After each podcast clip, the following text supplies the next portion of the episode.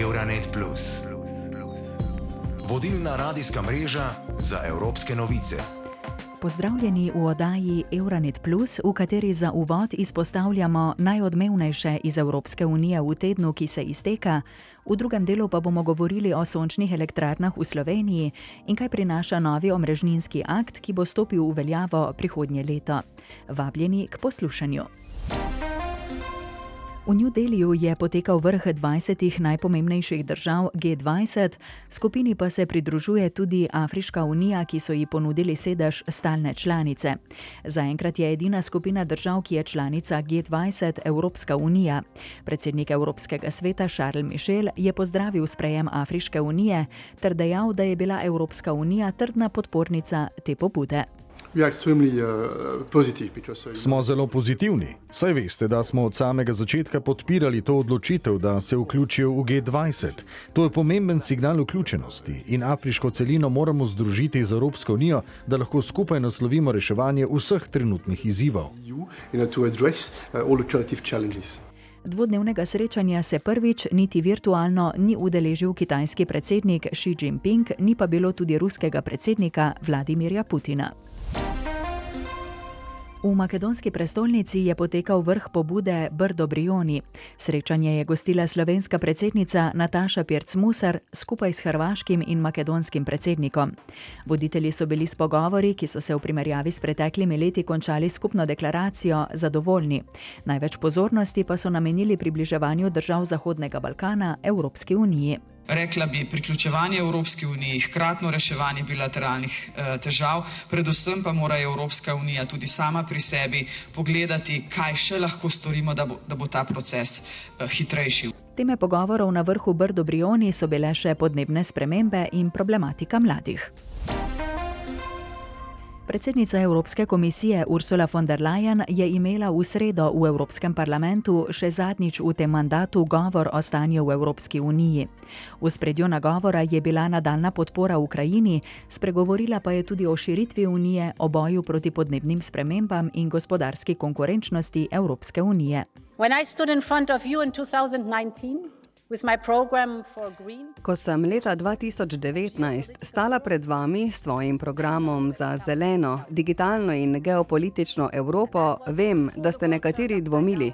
In to je bilo, preden se je svet obrnil na glavo z globalno pandemijo in brutalno vojno na evropskih tleh. Toda poglejte, kje je Evropa danes.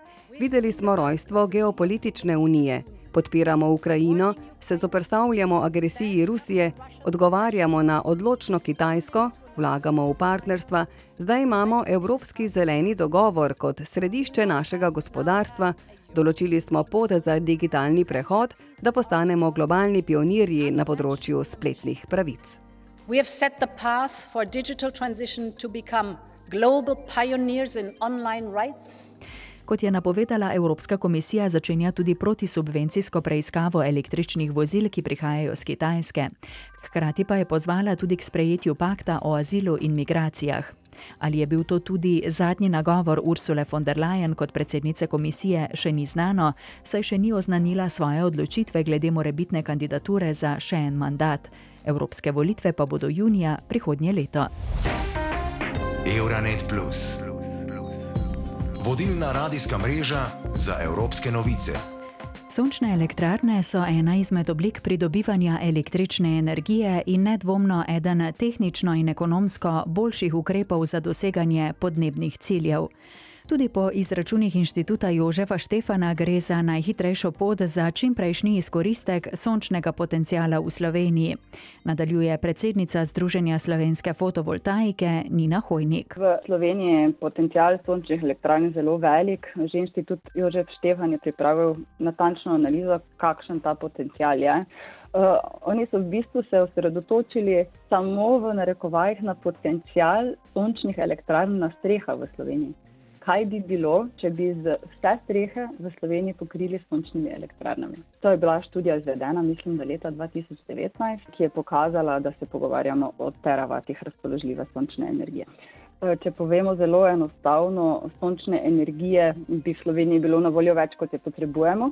Ampak kljub temu, da so sončne elektrarne seveda ekonomsko in okoljsko najbolj ustrezen pristop k doseganju ciljem zelenega prehoda, jih ne moremo razumeti izven okvirja ostalih pogojev, ki potrebujemo za implementacijo takšnega sistema. Zdaj po vseh analizah, po vseh študijah so sončne elektrarne ekonomsko in okoljsko najbolj smiselna izbira. Seveda je pri tem pomembno, da so tudi časovno najbolj smiselna izbira, ker jih je možno hitro implementirati, tako v prostor kot na strehe. Je pa seveda potrebno ustrezno podporno okolje za tako izvedbo. V letošnjem letu je bilo tako v Sloveniji postavljenih rekordno število sončnih elektrarn, skupaj jih je že več kot 40 tisoč, največja pa je tista v Brežicah. Zdaj v skladu z zadnjimi podatki za prvo polletje letošnjega leta je skupno število samozkrbnih elektrarn že čez 35 tisoč. Vse skupaj imamo v Sloveniji skoraj 40 tisoč sončnih elektrarn. Pomembno je povdariti, da je več kot tretjina samozkrbnih elektrarn eh, bila postavljena v lanskem letu, ko smo beležili rekordno rast. Letošnji podatki pa trenutno kažejo na še večje število sončnih elektrarn in tudi na višjo skupno priklopno moč. Največja sončna elektrarna je trenutno v Brežicah in je tudi prva, ki dosega moč 6 MW. Se pa od drugih razlikuje po tem, ker je drugačna po načinu priključitve na električno mreže in deluje v kombinaciji z hidroelektrarno Brežice. Torej, govorimo o tako imenovani hibridni sončni elektrarni.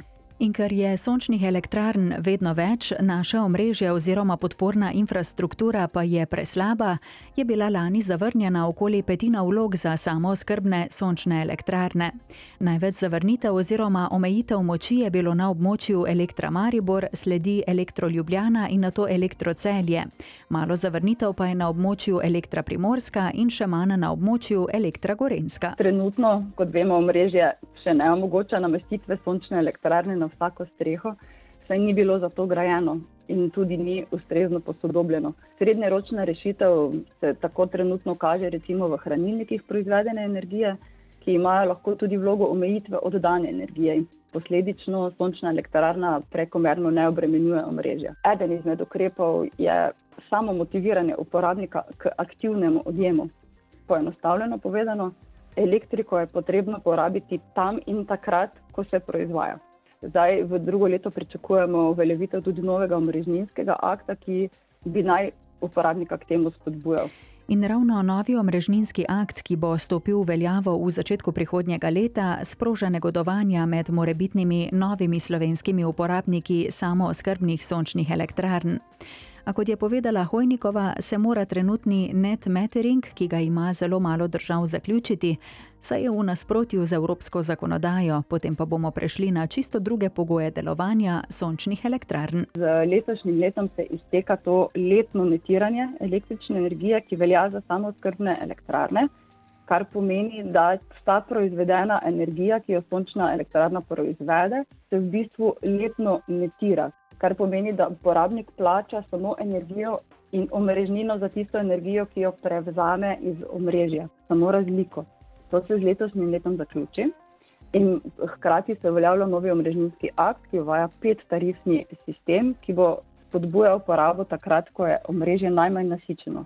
Končne elektrarne delujejo po dnevi, omrežje je takrat najbolj nasičeno in zato je potrebno zagotoviti takratni trenutni odjem. Da je celotno okolje in zakonodajno in pravno še ni čisto uh, ustrezno urejeno za prihodnje leto in zato še konkretnih odgovorov na vsa vprašanja nimamo, negodovanje pa je ravno iz tega razloga, zaradi tega, ker je še veliko neznank na tem področju. Na drugi strani pa strokovnjak za energetiko, magistr Leon Valenčič pravi, da sončne elektrarne niso rešitev, ampak je za visoke cene kriva zgrešena energetska politika. Demantiral je izjavo premijeja Roberta Goloba, da bi v prihodnje dostop do sončnih elektrarn omogočili tretjini slovenskih gospodinstev, a kot pravi Valenčič, bomo potem vsi ostali brez elektrike.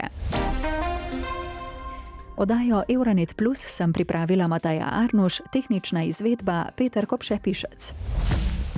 Euronet Plus za boljše razumevanje Evrope.